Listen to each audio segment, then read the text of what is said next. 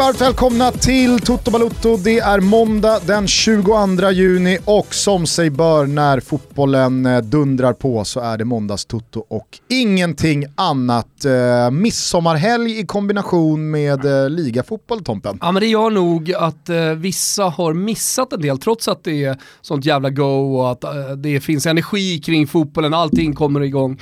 Eh, så gör ju alkoholen och eh, framförallt umgänget tror jag någonting med eh, eh, liksom folks konsumerande av fotboll. Så, låt oss skippa skitsnacket och gå rätt på ett svep. Jag tänkte ju fråga dig hur du upplevde det här, för det här är väl första gången i ditt eh, snart eh, 41-åriga liv som det alltså ja, men spelas eh, ligafotboll under midsommarhelgen, Ja. inte bara svensk fotboll. Nej, det, det stämmer. Alltså- Det var konstigt. Ja det var konstigt. Eh, Det kom ju en massa tweets här nu för någon vecka sedan och många som uppmärksammade att eh, man spelar fotboll på Stöven igen när det är sommar, mitt under. Och det, det var ju det man sjöng 1990 inför mästerskapet. Notti magiche och det var varmt och sol och stekande hett liksom i, i, i Italien.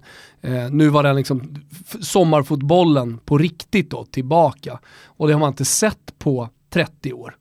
Eh, Så när du säger ja det här har inte du upplevt, nej det stämmer. Det är bara mästerskapsfotboll som, som man har sett. Det har varit den här eh, hä- hängplayoffen i Serie B typ som man har följt fram till den 12 juni. Sådär. Ja. Men eh, nej, annars har det varit tomt. Det var speciellt alltså att sitta där med en Hallandsfläder i näven och så hör man bara från någon "Eh, Tottenham uh, gjort 1-0. Mm. Jaha, ja, just det. Fan, Tottenham Manchester United. Ja, jag glömde ju fläden hemma, även om jag är mer OP. Eh, Så det blev eh, mörk rom istället i sillen. Funkar det också?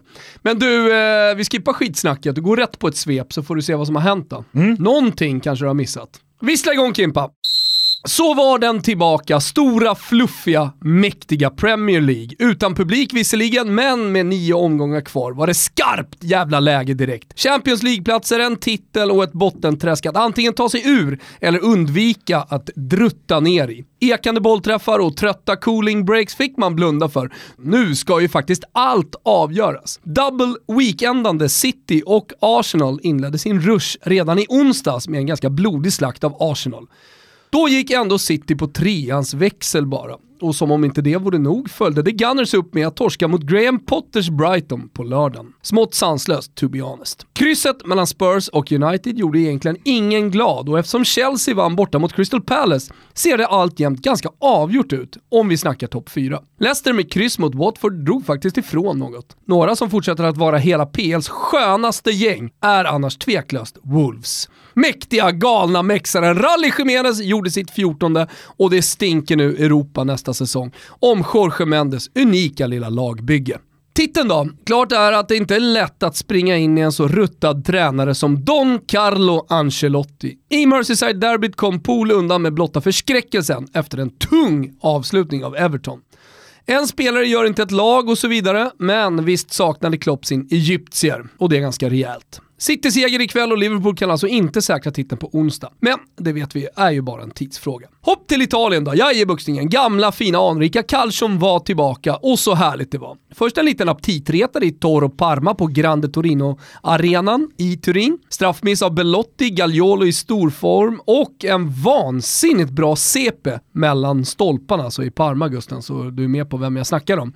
Gjorde så att Kulusevskis svaga insats trots allt hamnade i skymundan i Parmalägret. Delad pott och glada Parma-miner. Sen hämtade Cagliari noll i Verona där Mr Juric verkligen är på väg att göra något stort. Seger och 38 pinnar betyder inte bara säkrat kontrakt, men också absolut häng på Europaplatserna. Och hörni, vem saknar inte en riktig late bloomer nummer 9-typen?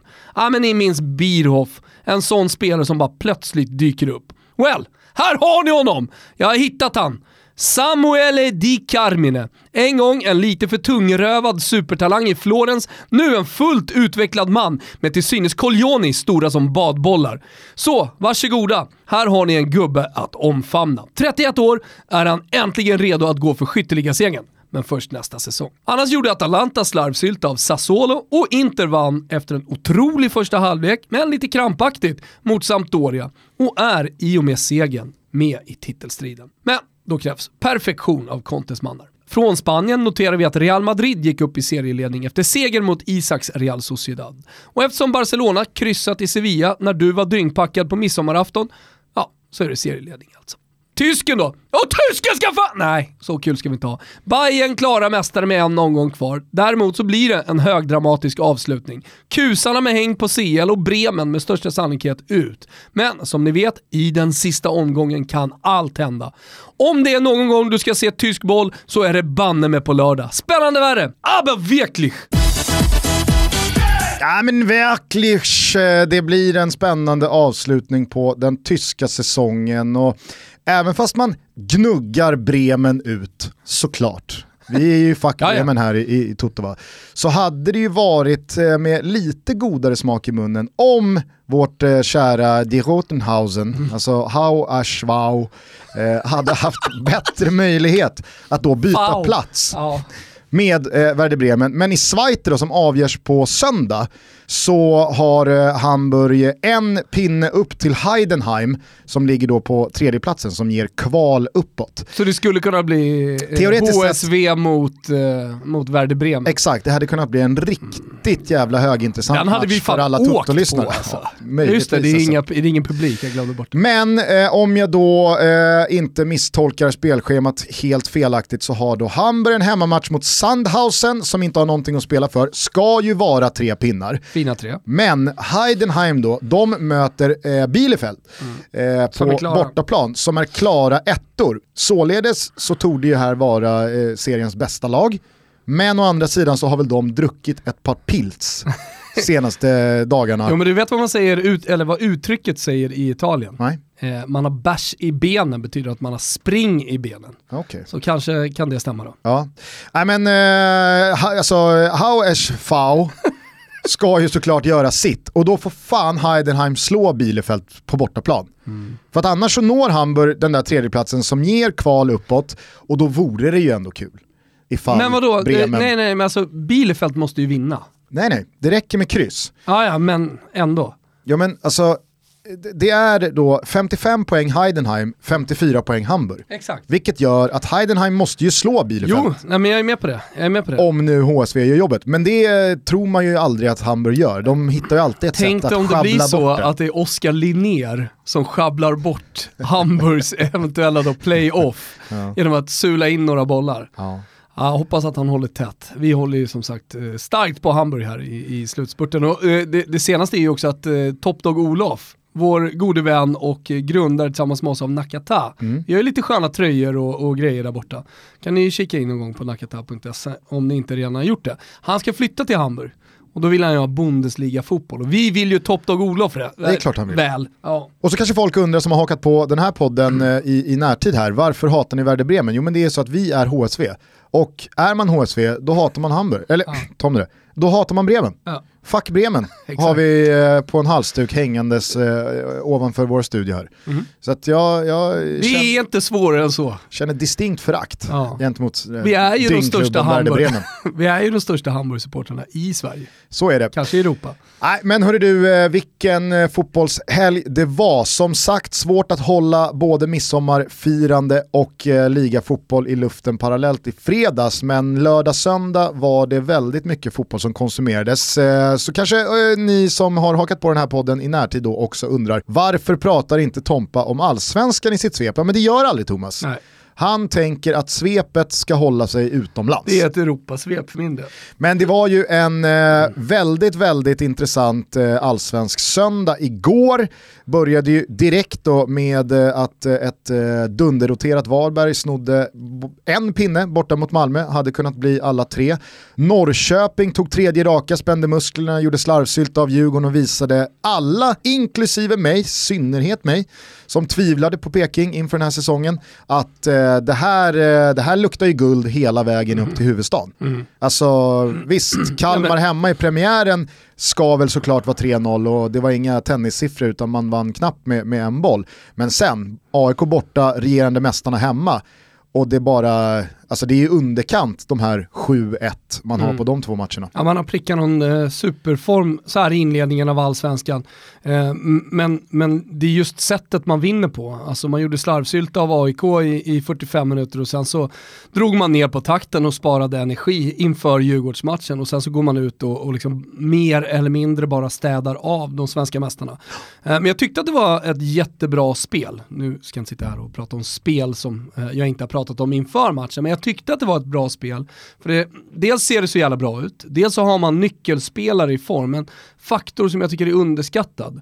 Alltså att de bästa spelarna, och i, det, i, i Pekings fall då liksom de som gör skillnad, Haksabanovic, Totte Nyman, Simon Tern, Levi. Eh, Levi har ju, har inlett jättebra. Den, de, de fyra spelarna vinner, ju, vinner ju matcher tillsammans och Mm. det kommer de fortsätta göra. Eh, alltså, och det har man sett här i, i inledningen. Och sen finns det någon stabilitet där i back, backlinjen med Lauritsen och Isak Pettersson i mål som, som gör det jävligt bra. Så att fan, eh, Norrköping de är i allra högsta grad med och slåss om guldet den här säsongen. Jag skulle vilja ge den största rosen till Jens Gustafsson som jag tycker, till skillnad från väldigt många andra tränare, har attackerat den här seriestarten med eh, visionen om att vad fan, vi pallar väl det här. Det ska inte hålla på att roteras 4, 5, 6, 7 gubbar bara för att det är match 3 eller 4 dagar senare. ut. Ja, men, eh, alltså, så här, vi har bästa laget på banan och sen så, alltså, de har ju vetat om det här ganska länge, även fast spelschemat sattes sent, så har ju alla kunnat förstå att när vi väl kommer igång så kommer det vara väldigt hårt matchande.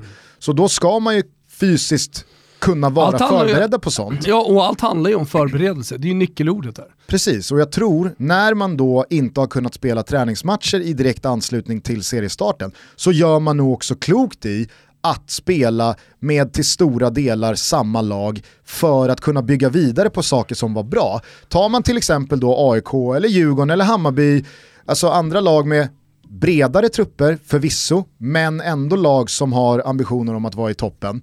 Malmö ska ju såklart räknas in här också. S- Så känner jag att, men fan, det, det är väl klart att det blir svårt att ta det vidare från match 1 till match 2 om man byter ut halva laget och från match 2 till match 3 om man återigen då snurrar på 2, 3, 4, kanske 5 spelare. Visst, det kanske kommer någon skada här nu på någon nyckelspelare i, i Norrköping eller att man hamnar i, i en Exakt, svacka. jo, man, man får väl någonstans, lite som med coronan, summera om ett år. Såklart, jag menar bara att Norrköping rivstartar och står på nio pinnar redan. Alltså, jag, jag, jag, jag tror... Du tror inte att det är slitna spelare i, i Norrköping idag? Utan de, de klarar det här. Ja, dels så tror jag att man fysiskt klarar det. Dels så tror jag också att de här tre inledande segrarna, de här nio poängen, ger sån jävla skjuts och tro på det man håller på med. Att det är väl klart som fan man, man kan skaka av sig de där eh, slaggprodukterna och gå ut och köra fjärde matchen också, femte matchen också. Så att, nej, jag tycker att eh, Jens Gustafsson, eh, han, eh, han visar eh, vart skåpet ska stå här. Och eh, jag kan bara kapitulera här för Peking. Hatten av. Hatten av och, och allt det där. Och allt det där. Sen så blir man ju lite tveksam då till, kring vissa prestationer. Nu hade ju Malmö eh, liksom, eh, maximal, inte oflyt, men eh, Christiansen fick ju hjärnsläpp liksom och tog ett andra gult. Det var Han är en idiotiskt. fucking idiot. Ja, vad sa du? Han är en fucking idiot. Alltså, Ja. ja. Det var väl det han sa. Tog ett gult och så fick de spela med en man mindre, annars hade de förmodligen vunnit den matchen. Och, och det, det är absolut ingen liksom, katastrof i Malmöläget, men, men Djurgården börjar ju säkert fundera. Eh, med torsk hemma mot Örebro. Och Örebro är inget jättelag, även om det inte är ett dåligt lag. Förstår mig rätt. Eh, kryss mot Östersund, förlust mot AIK och sen vinst mot Djurgården. Det, det måste man ändå, så, så måste man ändå kunna räkna lite. Eh, och sen det, det här då, eh, nu vet jag inte hur bra Norrköping är, uppenbarligen är de jävligt bra. Men är de 4-0 efter 37 minuter mot AIK bra? Ja, kanske inte riktigt så bra. Är du med? Nej. Alltså det, det, det är deras prestation som gör att de leder med 4-0. Men jag tror att AIK var rätt svaga där också. Och jag tror att Norling missade lite i laguttagningen. Men det, det är en match som de i liksom 10 av 10 gånger nästan hade vunnit. Eh, om den spelas om. Ja, ja, så, så pass jävla bra var de. Nej, men, och, och det är det jag menar, att Norrköping har ju verkligen, alltså, de har ställt ut i princip samma lag alla tre matcher, i princip spelat på, alltså, alltså de har spelat sitt spel. AIK är väl ett superexempel här på hur man har tänkt annorlunda och så, så tänker man annorlunda igen till nästa match. Bayern lika så, alltså hur Billborn går bort sig igår mot Gnaget, det, det var ju häpnadsväckande. Alltså... Ja, vad grejen är att han stod lågt, fast normalt sett så, så pressar alltid Bayern högt. Exakt. Och så har man då sett Norrköpingsmatchen så förstår man att eh, AIK ska man nog pressa högt. Och sen så framförallt så var det ju väldigt lite av det kombinationsspel längs backen som har varit så framgångsrik för Bayern senaste tiden. Så man kan tillskriva då AIK lite eh, i och med att de gör det väldigt bra i man-man-försvaret. Ja, men det var jätte... Alltså, eh, jag, jag tycker bara att det är konstigt när ett lag som är så tryggt i en konstruktiv offensiv fotboll går ifrån sin egen identitet och sitt eget DNA och sitt eget väldigt, väldigt vägvinnande spel mm. Åt andra hållet. Det är en sak ifall ett baktungt, eh, lite mer destruktivt eh, lag som har det grundspelet byter taktik och kör lite mer offensivt och mm. tutar och kör. Typ AIK, alltså så här, man, man går från fjolårets dödgräva fotboll mm. till att man skruvar på det och så kanske det inte funkar men man har i alla fall ambitionen att gå åt rätt håll om du förstår vad jag menar. Ja. Här, gör ju Bayern liksom tvärtom. Ja, De sitter fel. inne på seriens bästa offensiv, om vi nu räknar till då antalet mål eh, i allsvenskan i fjol, vilket är ett ganska så bra mm. mätverktyg tycker jag. Och så har man en relativt skadefri trupp och man har inlett bra resultatmässigt och målmässigt och spelmässigt. Och så går man bara ifrån det och på alla sätt och vis gör det sämre. Men en spelare som jag tänkte på i Hammarby, mitt bland alla stjärnor, vi pratade om Kasaniklic, vi pratade om Tankovic, Paulinho som var den stora värvningen, så tycker jag han Ludvigsson såg jävligt spännande ut. Han måste han ju klippa sig. Nej, alltså det, det jo, det blir baktungt alltså. Det är någonting, ja, ja, det är som eh, Di Carmines röv. Den, blir liksom, den, den har varit bara, den har liksom hållit honom tillbaka i karriären, så nu har han slimmat den lite. Ja. Det är lite som den där frisyren, det, det blir så himla mycket stor tofshår där bak. Ah, jag vet inte, jag, jag tycker ändå det, det, han, han får hållas. Hur som, jag tycker att han såg jävligt bra ut redan. Tråkigt att du inte håller med mig här. Det är, den är ju för tung. Studsa för mycket. Den får vara lite mindre i så fall om det ska vara en tofs. Ja, okay. Inte en fotbollsmässig tofs. Ja. Nej, men, eh, jag tyckte Ludvigsson eh, imponerade redan mot Elfsborg. Alltså, det hände jävligt mycket kring honom. Mm. Och han är en sån här spelare som tror jag kommer smyga in i Bayerns offensiv lite som att när alla tror att det ska vara Tankovic och Paulinho och Kacaniklic mm. så visar han liksom gång efter mm. annan mm. att här produceras det mål och farliga passningar och assist och han lägger ner ett jävla jobb. Alltså det, jag tror att han själv har den inställningen också, att varje minut jag är på plan mm då får jag fightas eh, med hjärtat utanpå för att mm. visa att jag ska få ja, och det är helt fler... det, det, är den enda inställningen han kan ha mm. eh, om man ska ta en plats. En, en, om, om det då var från den positiva sidan i Hammarby, så om jag ska ta någonting från den negativa sidan så tycker jag ju verkligen att Bojanic hade en tuff match alltså. Spela med den höga pressen som AIK gör känns det som att han inte riktigt har tempot. Han, han trivs ju att få lite tid på sig och slå de här fina bollarna. Men inte ens när han får den på liggande så lyckas han ju Eh, i, i den här matchen. Det är ju ett par lägen som, alltså ganska kritiska lägen i matchen också. Bra lägen att liksom få Hammarby komma tillbaka eller till och med gå ifrån. Där, eh, där, där jag tycker att liksom, ja, han, han inte har kylan och slår de riktigt bra bollarna som han är van att se honom göra. Det var ju många spelare i Hammarby ska säga, som var bara ja. en skugga av sig själv. Som var under isen men, igår. Det var en spelare i alla fall jag tänkte på, för jag tycker Bojanic är en jävla fin fotbollsspelare. Men, men då är också så här, AIK har en fusklirare i laget. Alltså får är ju för bra för att spela i, Allsvenskan. ja, men det var, eh, alltså, han, han är ju för bra. Han skulle ju i Tyskland eller någonting sånt där. I HSV kanske? HSV. Jag tycker i alla fall eh, att det är på plats att dela ut en liten ros till eh, Tankovic. Vad är rosor du börjar dela ut helt plötsligt? Det ställer mig starkt emot. Fucking gulasch till dina jävla rosor som du börjar dela ut. Okej, okay, gulasch till mina rosor. Jag byter rosorna mot en schnitzel då. Ja, det funkar. Schnitzel till Mujo Tankovic som efter matchen väldigt eh, liksom, frispråkigt och öppet är helt med på att ja, vi underskattade Gnaget. Vi trodde nog att det här skulle bli en promenad i parken. Låg efter... ribba för schnitzel alltså. Fast jag tycker ändå att det i ett sånt känsligt läge är jävligt härligt att höra en av allsvenskans största profiler, en av allsvenskans bästa spelare, våga tillstå att det vi underskattar AIK, han går ju till och med emot sin egen tränare och säger det var, det var helt fel matchplan. Mm. Vi gör bort oss här, det, det är ett taktiskt haveri. Mm. Det tycker ändå jag förtjänar att applåderas, att någon mm. vågar säga så. Ja. Nej, alltså ja, det, det är klart, alltså, ju mer spelarna säger, ju ärligare de här intervjuer, desto mer gillar man det. Det är mm. så. Nej, så det, det, det, tyckte jag var det bästa i Hammarby igår måste jag säga. Okej, okay, Tankovic eh, brandtal efter matchen. Ja, det jag bara då skulle knyta ihop den här säcken med, det var ju då, på tal om Djurgårdens insats då mot Norrköping, alltså Djurgården är ju ett lag som inte bara har bytt spelare, utan när de roterar några spelare, till exempel då när Kalle Holmberg ska in i elvan och Kujovic är där, då blir det ju väldigt mycket som ska klaffa på ett nytt sätt i deras anfallsspel. De två ska hitta varandra, Kalle Holmberg, ja, han kanske har en lite annan roll i, eh, alltså när, när han spelar än när Djurgården ställer upp utan honom eller med honom som ensam spets. Mm.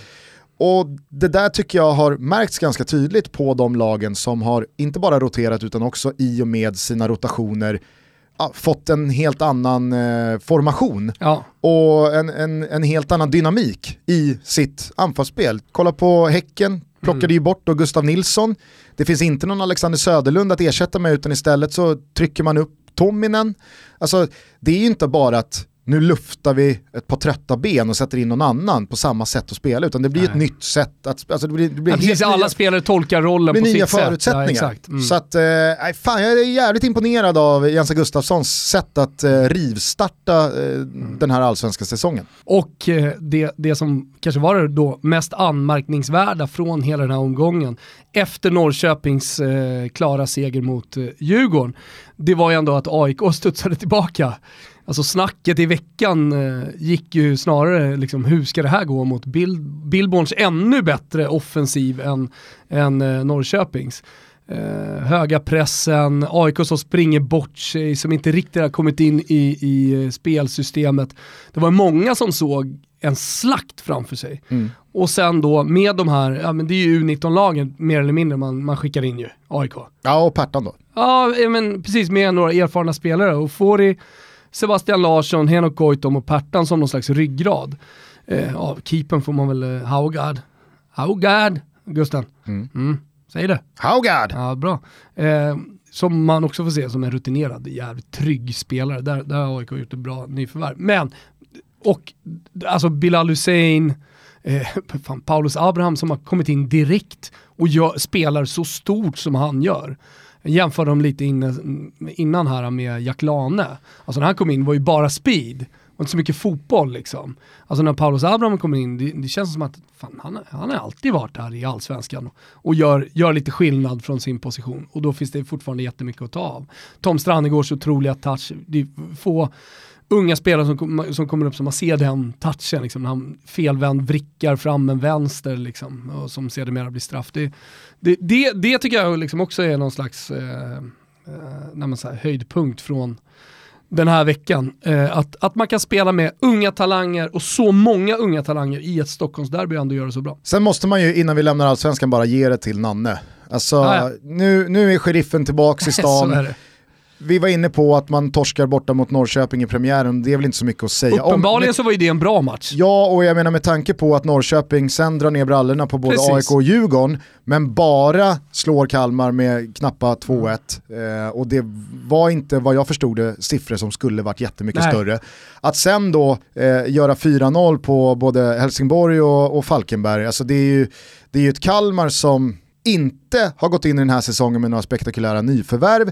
Rasmus Elm har försvunnit, det var ett lag som hade otroligt Kanske var det bra att Rasmus Elm äntligen försvann. Förstår du vad jag menar? Alltså det är alltid så här, ska han spela, hur mycket kommer han spela? Och så spelar han och så blir det så väldigt mycket Rasmus Elm som tar plats. Alltså, jättefin spelare och allting. Och det är jättekul när han spelade. Men kändes som att Kalmar FF, de behövde fan gå vidare från Rasmus Elm. Ja, kanske. Det, det, det är väl inte en uh, helt uh, fel tanke, mm. tycker jag. Men uh, återigen bara, alltså, jag, jag, tycker att det är, det är imponerande av Nanne att komma tillbaka från allt liksom, jobbigt han gick igenom till ett Kalmar som utdömda av många och som inte alls andas speciellt mycket morgonluft och göra det så pass bra. Visst, jag vet att Helsingborg och Falkenberg, det kanske inte är sex poäng som man ska vara jättestyv i korken för. Men eh, jag tycker att på samma sätt som Norrköping då tidigt springer iväg med nio pinnar och skaffar sig en buffert för att vara med i toppen här nu, så skaffar sig ju Kalmar direkt säker mark under fötterna och distans ner till botten så att man snarare kan titta uppåt i tabellen hela tiden och, och spela lite avslappnat. Och sen kan vi konstatera återigen, jag vet jag har pratat om det så många gånger, att det finns inget lag som bara kommer springa iväg i allsvenskan och vinna varenda år. Det spelar ingen roll att eh, Malmö FF har en halv miljard på banken och kan köpa dyra spel. Det spelar ingen roll för du kan inte köpa den överlägsenheten som till exempel ett PSG eller ett Bayern München kan göra. Alltså, det, för det är så mycket mer än att man kan köpa en Andreas Christiansen. Anders. Anders sa jag ju. Eh, det, nej, men det är så mycket, ja, men förstår du? För att bli så överlägsen och dominera, då behöver du, precis som Bayern München gör, svepa all talang över hela Tyskland utöver att de kan köpa de här toppspelarna. Och det, det, alltså allsvenskan kommer alltid vara så här. Mm. Det finns inga klara vinnare på förhand. För det var ingen jävel som trodde på Djurgården förra säsongen. Det blir väl Häcken då som springer och vinner i år eller något annat, eh, annat dussinlag. Och det är inget konstigt, nej men för jag, det var många röster som höjdes liksom. Ja men nu är det de här uh, topplagen som vinner efter typ första omgången. Jaha, ja det var ju kul liksom. Nu skikten, skikten är så tydliga. Det finns inga skikt.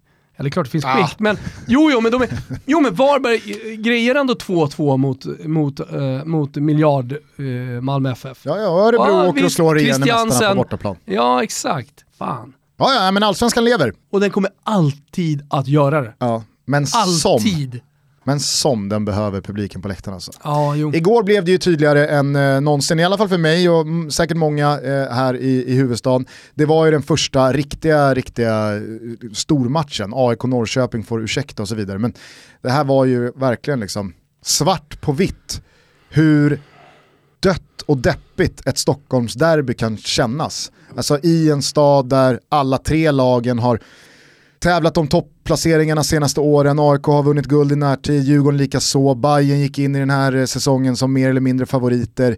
Alltså det hade ju varit sånt jävla stäm på Tele2 igår och istället så får man då ah, Alltså, jävlar vad mörkt det var. Ja. Nej men jag håller med, jag försökte inte tänka på det för jag blir så jävla deppig utan försökte bara liksom fokusera på det. Nu var det lättare för mig som aik såklart eftersom AIK vinner och så kan man vara lite nöjd över det. Men det, alltså, hej. Ja. Du, du predikar till en redan frälst eh, publik, Gusten. Så är det. Vi är sponsrade av våra vänner på Carl and Son. En del börjar säkert känna igen detta svenska varumärke som erbjuder skincare och makeup för män. Ja, och jag tänker att så här eh, i midsommartider så behöver nog eh, många ge sig själva de bästa förutsättningarna för att efter en hård repa, kanske ute i skärgården eller på något landställe, återfukta huden och se lite levande ut på midsommardagen. Ja, men just den här bakisgrejen, att man liksom piffar till sig, det som faktiskt, om vi ska vara ärliga, tjejerna haft lite patent på genom alla år, det kan vi killar också göra nu genom att använda oss av Carl Sands produkter. Hörru, via koden TOTO så har man, håll i dig nu Gusten, hela 30% på Carl Sands sortiment. Men det räcker inte med det, för nu har de också laddat på rejält. De har tagit fram ett Toto-kit som innehåller showergel, ansiktstvätt och en riktigt bra återfuktande serum värde 700 kronor. Men med koden får man de här tre produkterna för endast 399 och då snackar vi alltså över 40% rabatt. Man går in på carlandsun.com, Carl med C, och så slår man till. Det blir inte bättre än så här. Vad och sen du? så kommer ingen märka att det var en hård midsommarhelg. Så är det. Otroligt. Ja. Tack till Carl Sun för att ni är med och möjliggör Toto Balutto. Stort tack. Tompa, om jag säger jobb, vad säger du då? Ranstad! Om jag säger arbete, vad säger du då? Ranstad! Vad säger du om eh, jobbbevakning? Ranstad! Om jag säger registrera CV? Ranstad! Vad säger du om jag säger karriärsoptimering? Ranstad! Ni vet vid det här laget att Ranstad är världsledande när det kommer till att Eh, optimera just din karriär. Du kanske behöver jobb, du kanske vill byta bransch eller du kanske bara vill ha hjälp med att bevaka ditt drömgig. Ja, Gå in på ranstad.se och ta det därifrån. Vi säger stort tack till Randstad för att ni är med och möjliggör Toto Balutto. Ni är bäst. Hörni, jag tycker att vi äh, lämnar Sverige och allsvenskan. Äh, den rullar ju vidare redan ikväll måndag och tar oss utomlands. finns en hel del situationer och äh, sportsliga uppslag att gå ner i.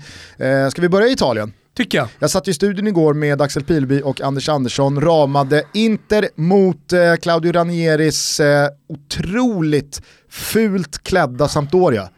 Är det den fulaste Sampdoria-tröjan man någonsin sett? Ja, kanske. Alltså. De är ju för mig är de ju liksom Blue Cerchiati.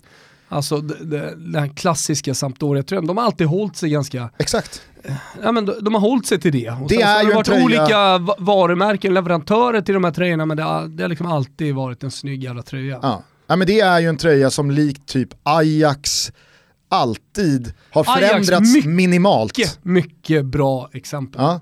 Eh, men eh, det, det, det var ett eh, hädiskt Sampdoria, både på planen och eh, i, i eh, modemässiga termer som man fick se på San Siro igår. På planen i första halvlek som jag sa i svepet. Ja, alltså det var sån överkörning så det var helt otroligt. Å andra sidan borde man ju ha lärt sig då av alla år man har följt Inter att det skulle bli en knapp seger Ja. till slut och att det hade kunnat bli någon fast situation för en kvittering. Ja, definitivt. Men den här första timmen, första halvleken, det var ju jävligt häftigt att se Christian Eriksen för första gången väl I rätt position och sådär. ja, få excellera då bakom Lautaro Martinez och Romelu Lukaku. Jävlar vad kul de hade ihop. Mm, de hade väldigt, väldigt roligt när Lautaro Martinez då som har kanske kritiserats lite för att han har haft tankarna på Barcelona som har visat intresse. Nu pratar ju, på tal om att vara ärlig, så pratade ju sportchefen eh, Beppe Marotta om situationen med Lautaro Martinez ganska ärligt och sa att visst, det finns ett intresse, de har uppvaktat. Eh, men, eh, men spelaren liksom är, är, är här och han, han är fullt fokuserad. Och så gör han den stora matchen som han gör igår. För det är ju, det är ju en åtta prestation i Gazettan, nu vet jag inte om han fick det, men, men så ser jag på den i alla fall.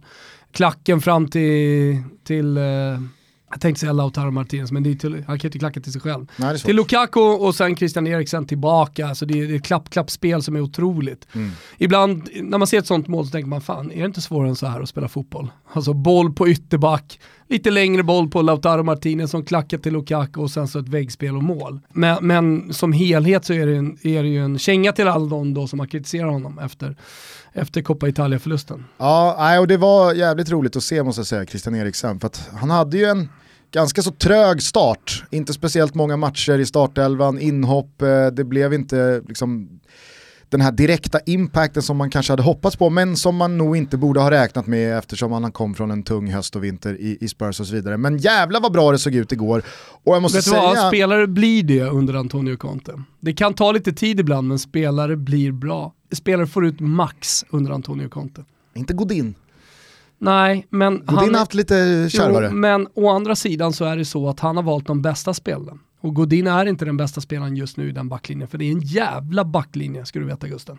Ja, Med Skriniar, De Vrij och Bastoni. Bastoni. Hur fin är inte han? Han är Han är en framtida landslagsman. Eh, det jag skulle komma till var ju att eh, jag hade räknat bort Inter inför den här matchen. Man hade ju alltså nio poäng upp till Juventus, åtta Det var en poäng upp till hängmatch ska Lazio. sägas. Exakt, de hade ju den här matchen eh, hängande och eh, i och med segern och tre poäng så är det nu alltså bara inom citationstecken, sex poäng Mm. upp till Juventus. Men med tanke på att Inter de har liksom ingenting annat att bry sig om. Man, eh, Behöver man, inte titta neråt. Nej exakt, man behöver inte titta liksom. neråt i och med att Roma på femteplatsen är så långt bort. Man ska spela Europa League-fotboll mot Getafe i augusti, det tror jag inte liksom kittlar jättemångas... Det är så eh, långt bort. Exakt, och det, och det är inte en buckla som jag tror att folk springer runt och prioriterar, utan nu har man då fyra kommande matcher, jag tror att det är Sassuolo, Parma, Brescia, Bologna. Kan man ta 12 poäng där, ja, då kan man nog ändå hoppas på att Juventus och, och, och Lazio tappar tre. två eller tre Ja. poäng. Och sen så är det hux flux bara tre poäng, fyra poäng med återstående åtta matcher. Mm. Alltså det, det kan ändå bli lite jävla liv i det här eh, ligaracet, alltså ur ett interperspektiv. Det hade- Det, ja. är ju liv i det här racet då, i och Absolut. med Juventus och Lazio, såklart. Men eh, jag fick en jävla pepp på den sista tredjedelen av Serie A igår. Mm, eh, och tänk om det kan då bli, eh, med tre omgångar kvar, tre lag som kan vinna titeln. Ja. Det har vi inte sett, jag kan inte ens minnas när, när den säsongen Ja, det var länge fanns. sedan. Liksom. Det var länge sedan. Ja. Men eh, innan eh, Inter spelade mot Sampdoria igår så var ju Atalanta tillbaks in i elden hemma mot Sassuolo. Och jag sa det här i studion, om någon nu tycker att jag eh, låter väldigt eh, upprepande. Men igår så gör då Atalanta 4-1 och det var den sjunde gången de senaste 13 tävlingsmatcherna som Atalanta gör fyra mål eller fler. Mm. Alltså det är sådana brutala siffror. Då ska jag säga så, då är det inte sju stycken matcher där man gör fyra, mm. utan man har gjort fem, man har gjort sex, man har gjort sju i vissa matcher. Mm. Man spelar inte med Ilicic, alltså det, det, var som att, nej, det är bara att trycka på play igen. Nej, men det, det har gått hundra dagar plus någonting och det är bara att tuta och köra. Det är det som är och det, det, det kanske är i slutändan det som är Gasperinis storhet. Att han kan rotera det där laget lite grann. Men hela tiden få spelare som, eh, som gör skillnad. Och han har så många spelare som kan göra mål också. Vi snackade om eh, Chelsea, vi pratade om eh, Malmö FF tror jag inför den här säsongen. Eh, med många olika målskyttar som man kan se framför sig. Alltså Atalanta, om det inte är Zapata, Dovan Zapata som gör mål, ja, men då, då, är, då, är det någon, då är det någon jävel som man aldrig har hört namnet på förut liksom, som, som, som kliver fram och gör mål. Eh, och så har man oftast då någon stor, alltså Ilicic nämnde du, eller Zapata, som ändå alltid får in bollen. Så man har liksom skyttekungarna, och man har alla andra jävlar som ska göra mål också. Och så har man Papu Gomes som i det här slaget är bättre än Eden Hazard. ja, visst. Ja men det är han ju. Ja. Alltså liten kille ute till vänster med en högerfot. Papu... Om du tar den spelartypen så är han ju fan topp 5 i världen. Säg så här, Papu Gomes är ju bättre i Atalanta än vad Eden Hazard hade varit i Atalanta. Med ja, det sagt... Alltså, Papa Gomes hade varit bättre i Real Madrid än vad Eden Hazard. Ja, där är jag tveksam. Nej, där är jag tveksam. det är dagens sanning. Eh, nej, det, var, det var jävligt eh, roligt att se eh, Serie A komma tillbaka på det här sättet och att Inter direkt visar med då Christian Eriksen bakom eh, Lula Mm. Har jag lärt mig nu att eh, Lukaku och Lautaro Martinez eh, har döpts till. Mm. Eh, med det kommande spelschema de har ändå bjuder upp till dans här nu om titeln. Det är ju jämnt så det förslår i eh, botten. Där är det ju många lag som lever farligt. Sampdoria, Genoa, Torino är väl några av de eh, namnstarkare. Och sen så blir det en jävla kamp här om eh, Europaplatserna med, med Roma och Milan och som du nämner, Hellas kan gå för det. Och, så, äh, det blir en jävla... Fin... Det lever så inåt helvete i Italien. Det, det blir en så jävla trevlig Serie A-sommar. Att följa på Simor, det vet ni om vid det här laget. Mm. Sänder alla matcher och det är ju inte bara Serie A och Liga-fotboll den här veckan utan det är dessutom eh, Svenska Cupen kvartsfinaler. Så är det. Malmö, AIK, Bayern, IFK Göteborg. Va? Ni hör ju själva, det är på Simor det händer. Vi är denna vecka sponsrade av Frank, Sveriges första renodlade PRP-klinik som jobbar för att bekämpa manligt håravfall. Mm, nu är det säkert många som undrar, vad är det här för någonting? Vad är det som är så speciellt med Frank? Men det tänkte vi berätta.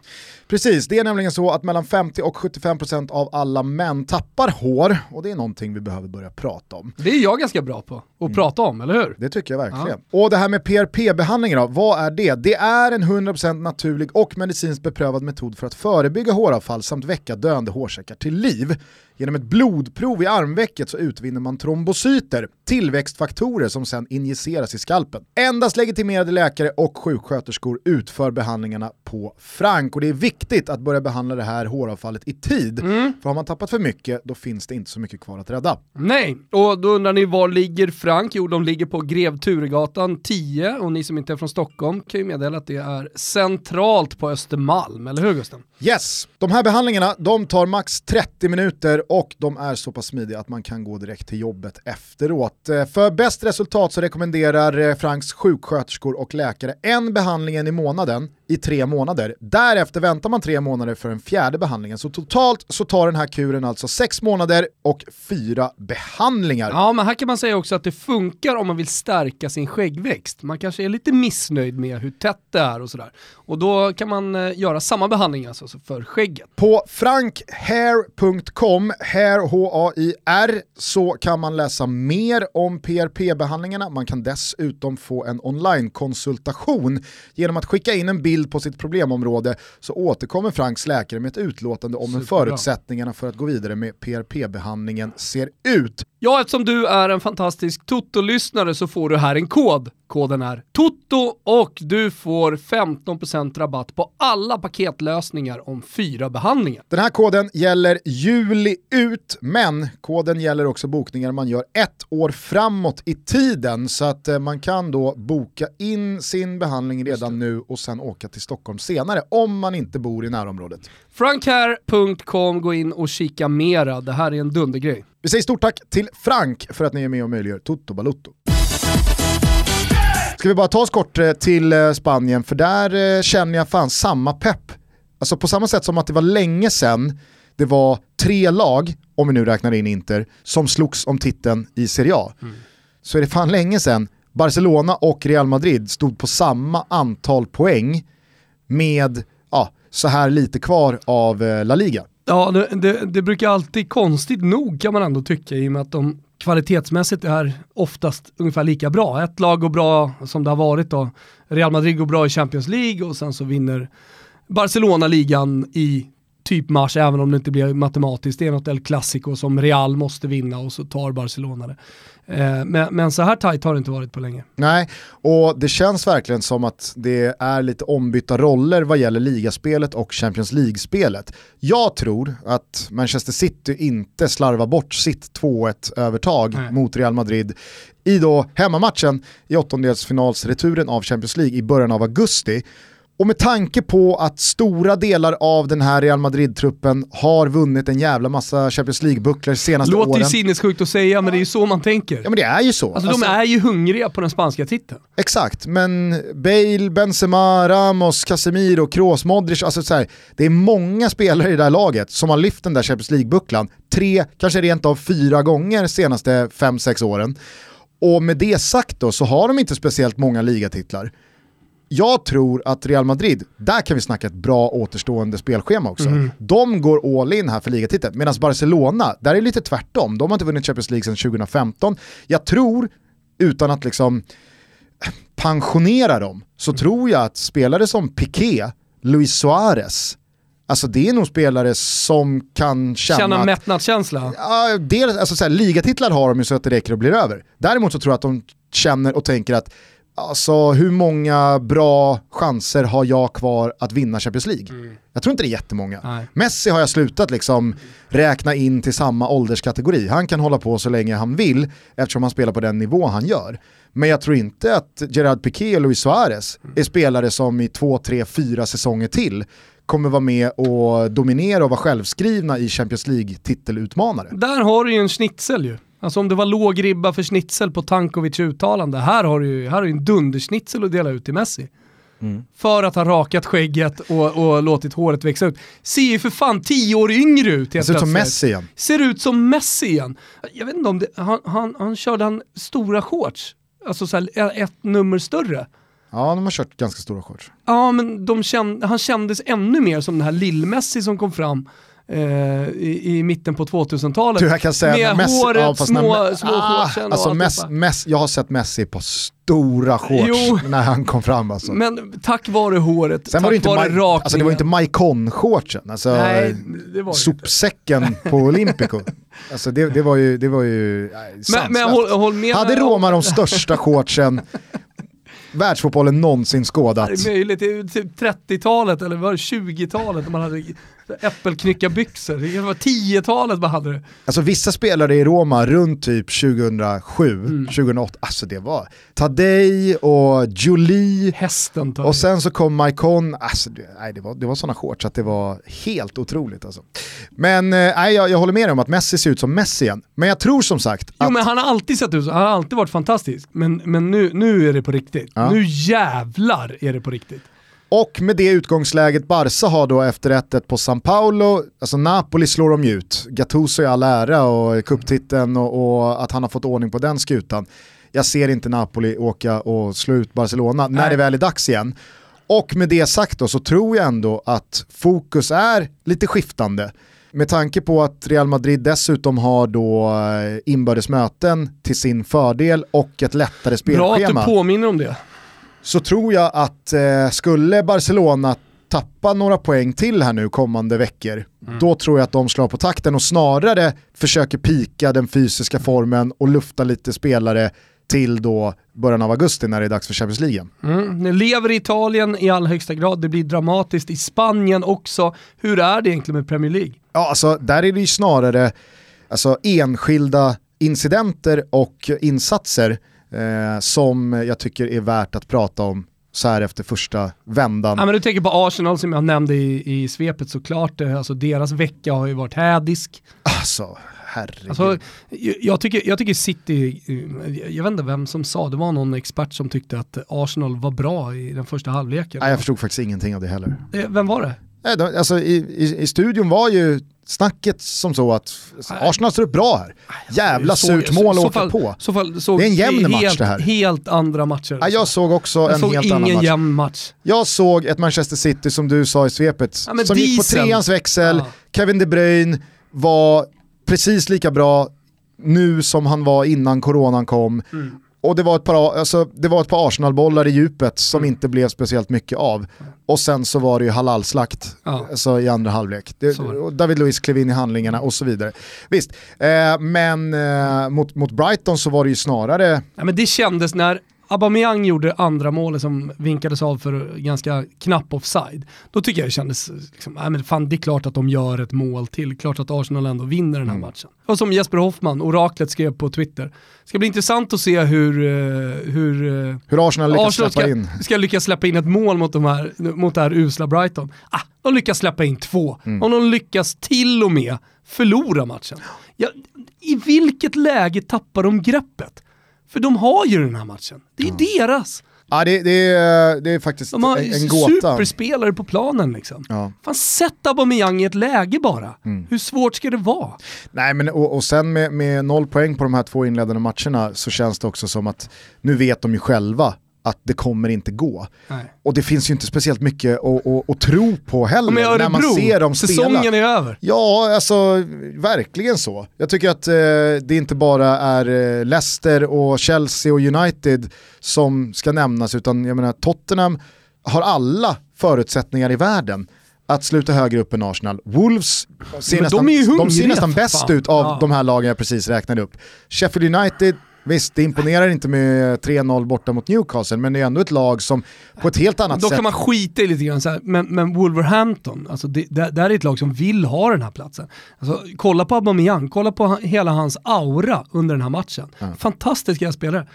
Han vill ju knappt vara där. Han vill inte spela. Men Tycker jag, jag i alla fall har följt hans karriär. Jag måste fråga, hur uppfattade du eh, hela situationen och efterspelet med eh, Mopeis eh, markering mot Bernt Leno? Jag har inte hört någonting bekräftat men det såg väl ut att vara en ganska eh, illavarslande mm. knäskada. Eh, förmodligen något korsband, mm. men som sagt jag har inte sett någonting bekräftat. Eh, så för er som inte har sett incidenten så är det en boll som Leno kommer vara först på, han går och tar den men Mopey markerar ändå att han är där så att eh, Bernt Leno störs i eh, sitt eh, agerande, sätter ner benet och ja, knät inte viker sig utan det var snarare så här översträckning som Zlatan åkte på när han, han skadade knät. På båren då, alltså jävlar vad han skrek Leno. Mm. Det är någonting med Alltså en, en vuxen en tom, man aha, på en tom arena, på en tom arena som skriker ut sin smärta. Fan vad äckligt det ljudet ja, är alltså. Ja. Men när han då bärs av på båren så uppbringar han ändå energi att resa på sig när han får syn på Mopey och pekar med hela handen och säger någonting, kanske på tyska. Ja, Schweinhund! någonting. Eh, och alltså, jag, jag hörde som sagt inte ordagrant vad han sa, men det, det, gick inte att misstolka att Nej. det här är ditt fel din jävel, vad fan håller du på med? Eh, och efter matchen då, eh, eftersom det dessutom är Mopey då som gör det avgörande målet i 93-94 minuten, så tar Guendouzi ett strypgrepp på Mopey och det är flera Arsenal-spelare som är framme och gruffar och menar på att så här, du har skadat Bernt Leno. Hur, alltså, hur upplevde du den här situationen? Tycker du att Mopey ska ha en jävla massa skit för det här? Eller är det bara så att alltså, så där får man inte... markera alltså, och jävla synd att det slutade som det gjorde?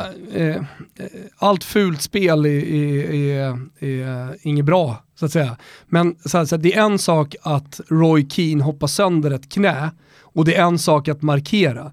Här, här finns det ju faktiskt nyanser. Alltså det här är inte svart eller vitt. Nej. Och, och jag menar, var hamnar han på fulskalan då? Eh, Mopey i det här läget? Alltså. Är den 10 grader eller? Fullskalan. Alltså om... Det går väl att spela in uh, Mopey här på den dansk-italienska etisk-moraliska skalan? Ja, men då placerar vi honom där och han hamnar ju inte särskilt högt. Han hamnar ju på en fem och en halva, mm. inte ens en sexa. Tycker jag. Alltså, jag har så jävla svårt att se Mopeys intention att skada Bernt Leno. Ja. Han är ju där precis på samma sätt som att målvakter som vet att jag kommer vara en halv sekund före på den här bollen, sätter upp ett knä i sitt hopp och visar... i varje ja, fotbollsmatch. sätter upp och visar att så här, kom inte nära för Nej. då smäller det här. Mm.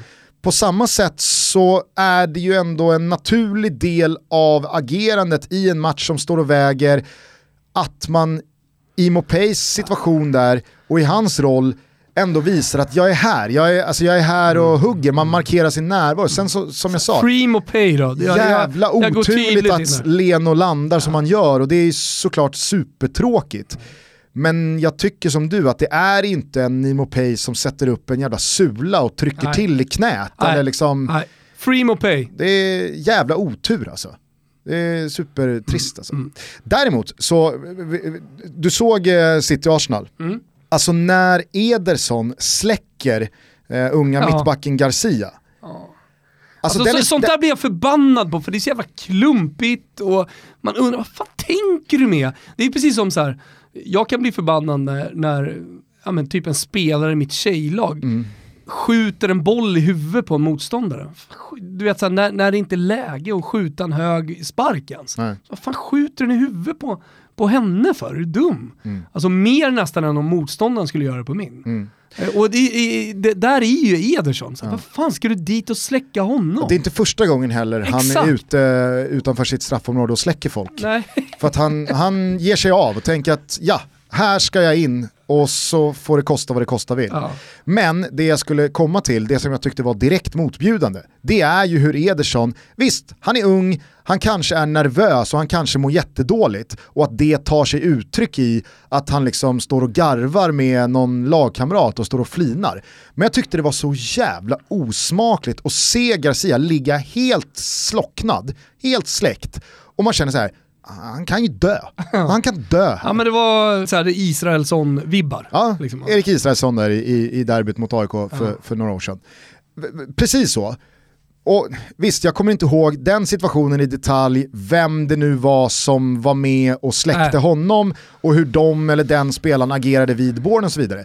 Men jag tyckte det verkligen det var, det, det var vidrigt att se hur Ederson bara står och liksom tuggar tuggummi, flinar och står och liksom garvar med någon lagkompis 10 meter ifrån hans helt jävla dundersläckta Ja, åkte han lagkompis. på en knock? Ja, men, Junisen. Ja, jag vet inte, alltså, så här, det, är inte, det är inte så att jag är ute efter att Ederson ska sitta på huk bredvid Nej. och gråta. Men, men kommer du ihåg, kommer du ihåg Son eh, och eh, André Gomes Ja, i, i eh. Everton-Tottenham i höstas? Alltså, Son har ju heller inte någon intention att liksom, bryta benet på någon, men när han märker vad det är som har hänt, han är ju helt knäckt, han Ja. blir ju helt förstörd. Och, alltså, så här, man visar ändå sitt medlidande och sin empati. Och, alltså, när Ederson till och med släcker sin egen lagkamrat och han vet att det är bara hans fel. Ja, Jag tyckte det var så jävla Ja. osmakligt. Ja, det var alltså. Usch, usch. Du, eh, vi behöver inte gå så jävla mycket in på Liverpools eh, eh, match tycker jag. Alltså jag nämnde det i svepet, ingen Salah, visst man kan ha gjort det bättre. Don Carlo Ancelotti, otrolig coach på att liksom släcka ner lag och han har gjort det där så länge. Ja, Och nu, den här titeln kommer, så vi kan väl få återkomma till det. Vi kommer ju i Never Forget ja att minnas eh, lite Liverpool på onsdag. precis. Och för er som undrar vad är Never Forget? Jo, vi släpper två avsnitt i eh, veckan. Eh, podcasten ligger på Spotify och den ligger exklusivt på Spotify. 20 minuter naggande, goda, små berättelser från fotbollshistorien som vi berättar. Allt från angolanska frihetskämpar till till exempel då som nu på onsdag eh, eh, Liverpool. Eller som idag, eftersom vi släpper på måndagar också, Graham Poll, Mm. den eh, engelske domaren som fick eh, några hjärnsläpp eh, under ett par minuter eh, i VM 2006. Lyssna gärna på det. Och det var faktiskt på dagen 14 år sedan idag, Så är det. 22 juni. Never jag såg forget. i morse också, eh, för övrigt, på tal om Never Forget, att det är på dagen 34 år sedan eh, Diego Armando Maradona gjorde sitt solomål Ja. i Mexiko-VM 86. Sådana så här, kom ihåg-grejer på Ja. Twitter, de, de, de är jag inte speciellt svag för. På onsdag minns vi alltså Liverpools senaste ligatitel 1990. Yes. Eh, och eh, idag då, Graham Paul. Lyssna på Never Forget. På tal bara om Liverpool, jag tycker att det var väldigt mycket, nu såg jag inte matchen i sin helhet i och med att jag jobbade med simor studion runt eh, Inter Sampdoria. Men det var väl precis det här vi anade skulle prägla Liverpools omstart när vi satt här med Hoffman för någon vecka sedan.